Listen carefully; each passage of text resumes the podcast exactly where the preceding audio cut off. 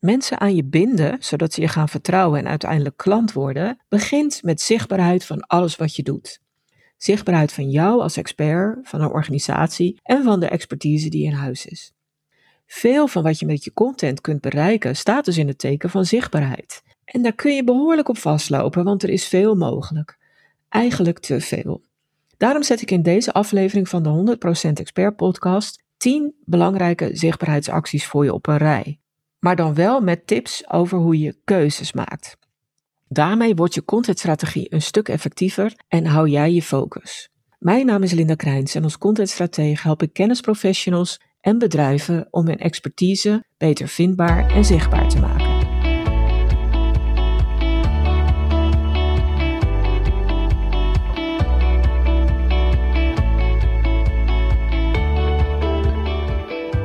Als ik alle mogelijkheden op een rijtje zet, dan kom ik op 10 belangrijke acties waarmee je je zichtbaarheid kunt laten groeien. Met stip op nummer 1 staat SEO, SEO, zoekmachine optimalisatie. Je gaat dan gericht websitepagina's inrichten en publiceren voor zoekopdrachten waar mensen naar zoeken. En als het je dan lukt om op die eerste pagina met zoekresultaten te komen, en dan natuurlijk zo liefst zo hoog mogelijk, dan word je beter zichtbaar. Met als extra voordeel dat mensen, als het goed is, voor een deel in elk geval, ook op die link zullen klikken en op je website terecht zullen komen en je ook nog beter leren kennen. Bij SEO gaat het vaak om een aantal zaken. Het gaat om het technisch goed functioneren van je website, zowel mobiel als desktop. Moet die snel laden en prettig te navigeren zijn. En daarnaast gaat het om de kwaliteit van de content die je op die website hebt staan. Want je alleen de echt goede antwoorden op zoekvragen, die komen hoog in de zoekresultaten. Tenminste, misschien niet helemaal en altijd, maar in 99% van de gevallen gaat dat wel op. En wat ook een rol speelt, is de status van je website. En die wordt voor een deel afgelezen aan de inkomende links. Welke websites linken naar jou? En wat is de status van die websites die naar jou linken? Want hoe hoger de status van die andere websites, in elk geval in de ogen van Google, hoe meer waardevol die inkomende link voor je is.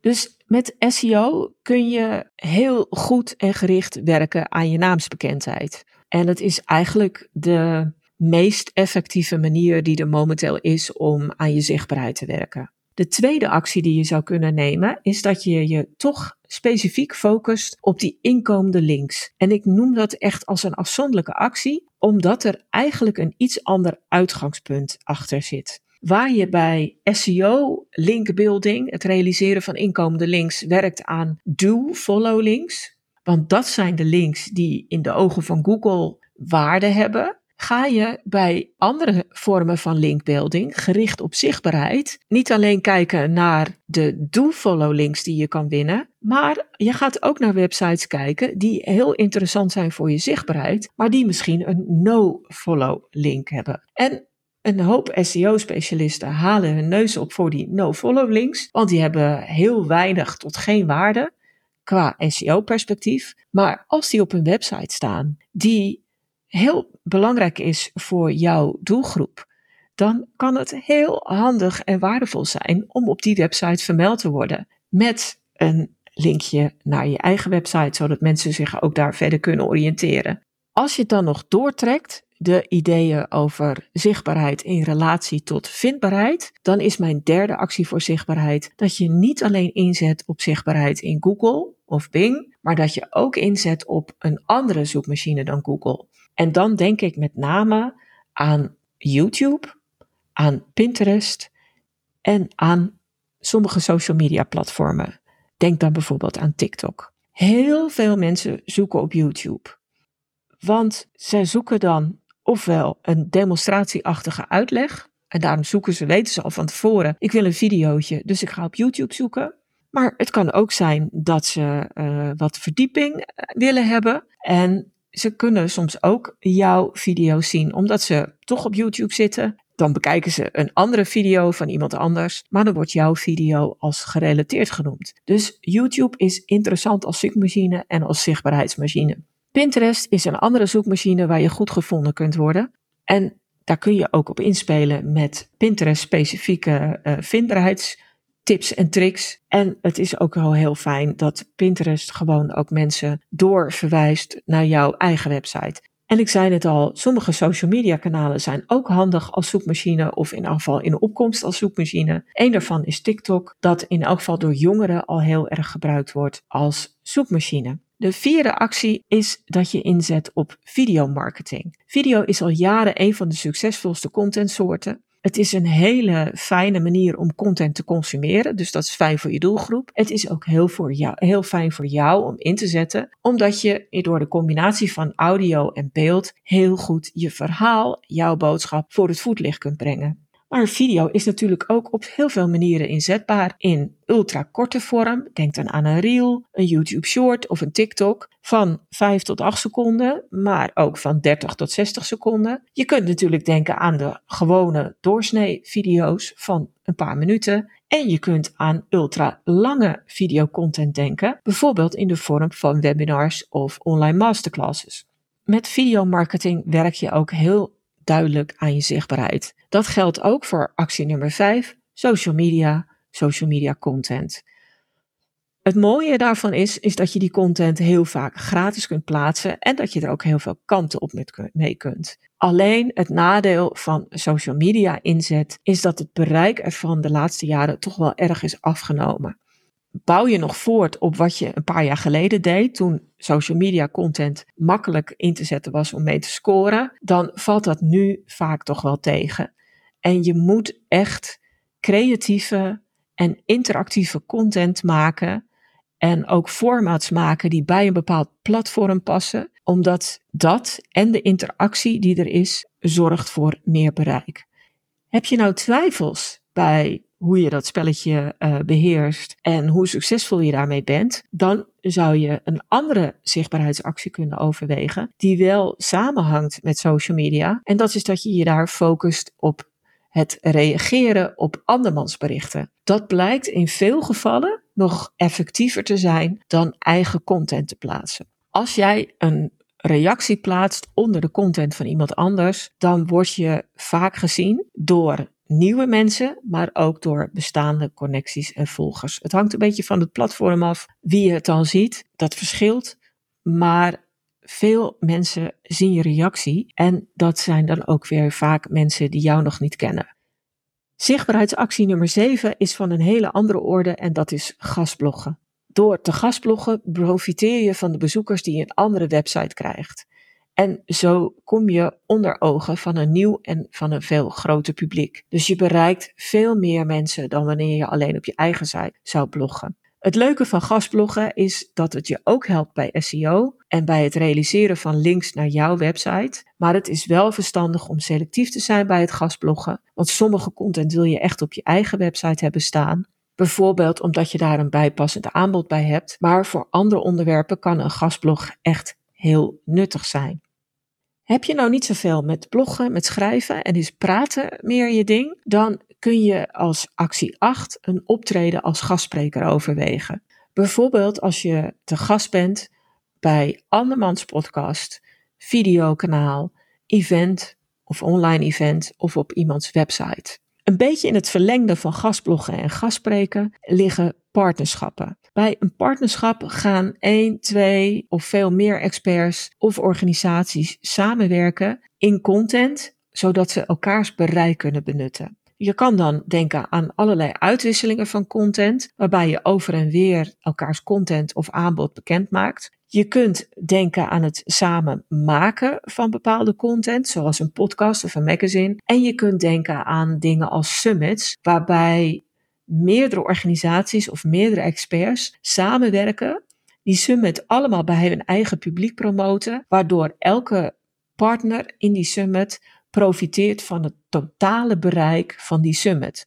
Of mensen daar nou komen of niet, maar in elk van die promotie vooraf is heel goed voor de naamsbekendheid van iedere partner die daaraan meedoet.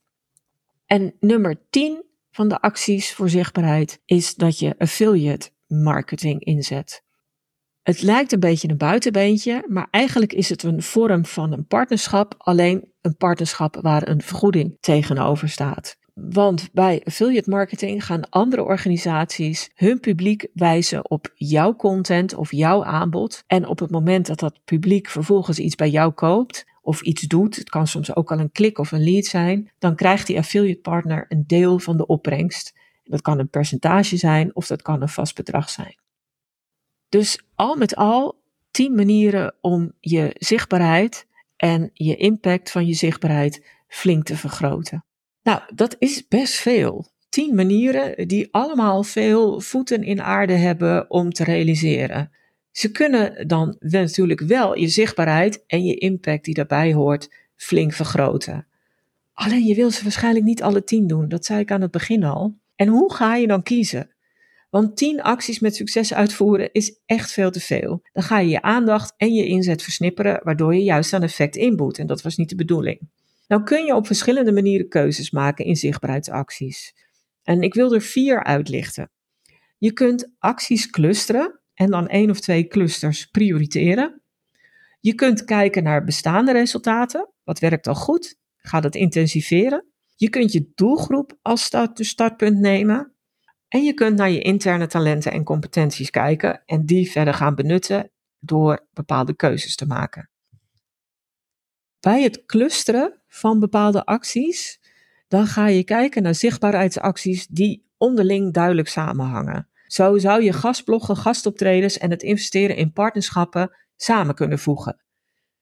En dan heb je meer focus en dan kun je daar al beter op inspelen. En zo'n cluster kun je ook bedenken voor, voor SEO-inspanningen. Want die kun je combineren met het realiseren van inkomende links van sites waarvan je bezoekers kunt verwachten. Maar ook door bijvoorbeeld niet alleen op Google of Bing in te zetten, maar daarnaast op andere zoekmachines. Dus dan maak je bijvoorbeeld een cluster van de eerste drie zichtbaarheidsacties die ik noemde. Videomarketing en social media content gaan ook goed samen. Of combineer videomarketing met vindbaarheid op YouTube en Pinterest. En waar het mij om gaat bij clusteren, is dat het wel belangrijk is om je echt te focussen op één of twee clusters om te voorkomen dat je toch weer gaat versnipperen en je inzet over te veel dingen verdeelt en ook weer veel te veel gaat doen. De tweede manier die je hebt om te gaan kiezen uit die tien acties is dat je bestaande resultaten als uitgangspunt neemt. Als het goed is, weet je welke acties die je nu doet het meest opleveren. En vaak doe je dan toch nog allerlei acties ernaast, omdat je denkt dat het moet, of omdat je denkt dat je anders kansen laat liggen. Maar het is echt de vraag of dat zo is.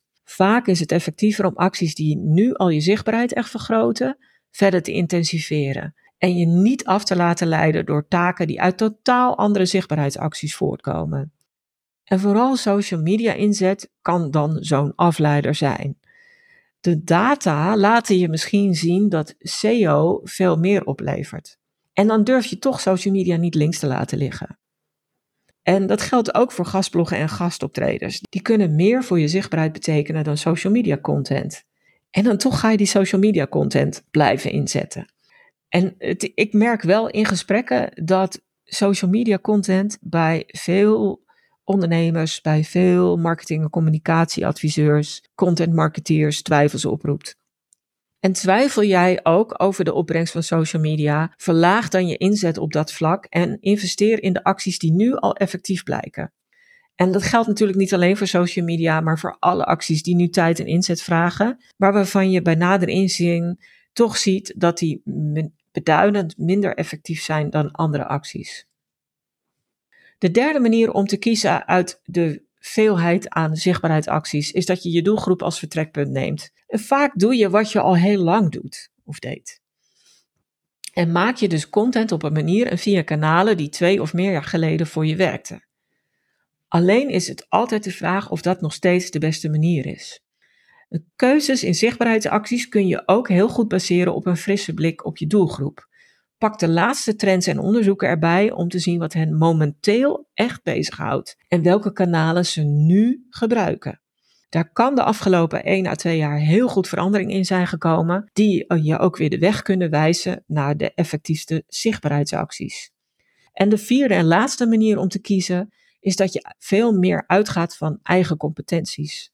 Want taken die je leuk vindt en waar je goed in bent, pak je eerder en intensiever en beter op. Dus je eigen voorkeuren kunnen echt wel een rol spelen bij de keuzes die je maakt. Sta jij of collega's probleemloos en met plezier voor de camera? Ja, benut dan videomarketing. Gaat je creativiteit stromen bij social media content, waardoor je hele gave content kunt maken die ook altijd veel reactie en interactie oproept? Laat die dan niet links liggen.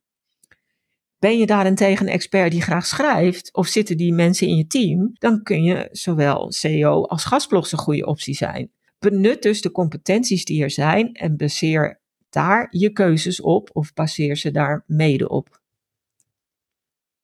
Als afsluiting, wat ik met deze podcast beoog, is je aan het denken te zetten over de acties die je nu inzet om je zichtbaarheid te vergroten. Is er misschien iets dat je mist dat wel waardevol kan zijn? Maar vooral hoop ik dat je de verschillende acties in hun onderlinge samenhang gaat bekijken. Door acties te clusteren en door minder effectieve acties te annuleren of op een laag pitje te zetten, als annuleren nog een brug te ver is.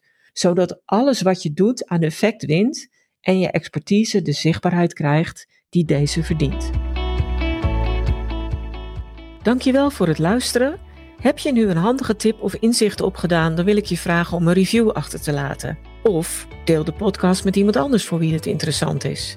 En wil je meer weten? Op mijn website vind je een gratis kennisbank met checklists, tools, video's en stappenplannen over content, content marketing, maar vooral over het zichtbaar en vindbaar maken van je expertise. En in de Content Academie vind je bovendien tal van online masterclasses en trainingen die je helpen om je expertpositie verder te versterken. Kijk daarvoor eens op stroop.nl en stroop is met dubbel S.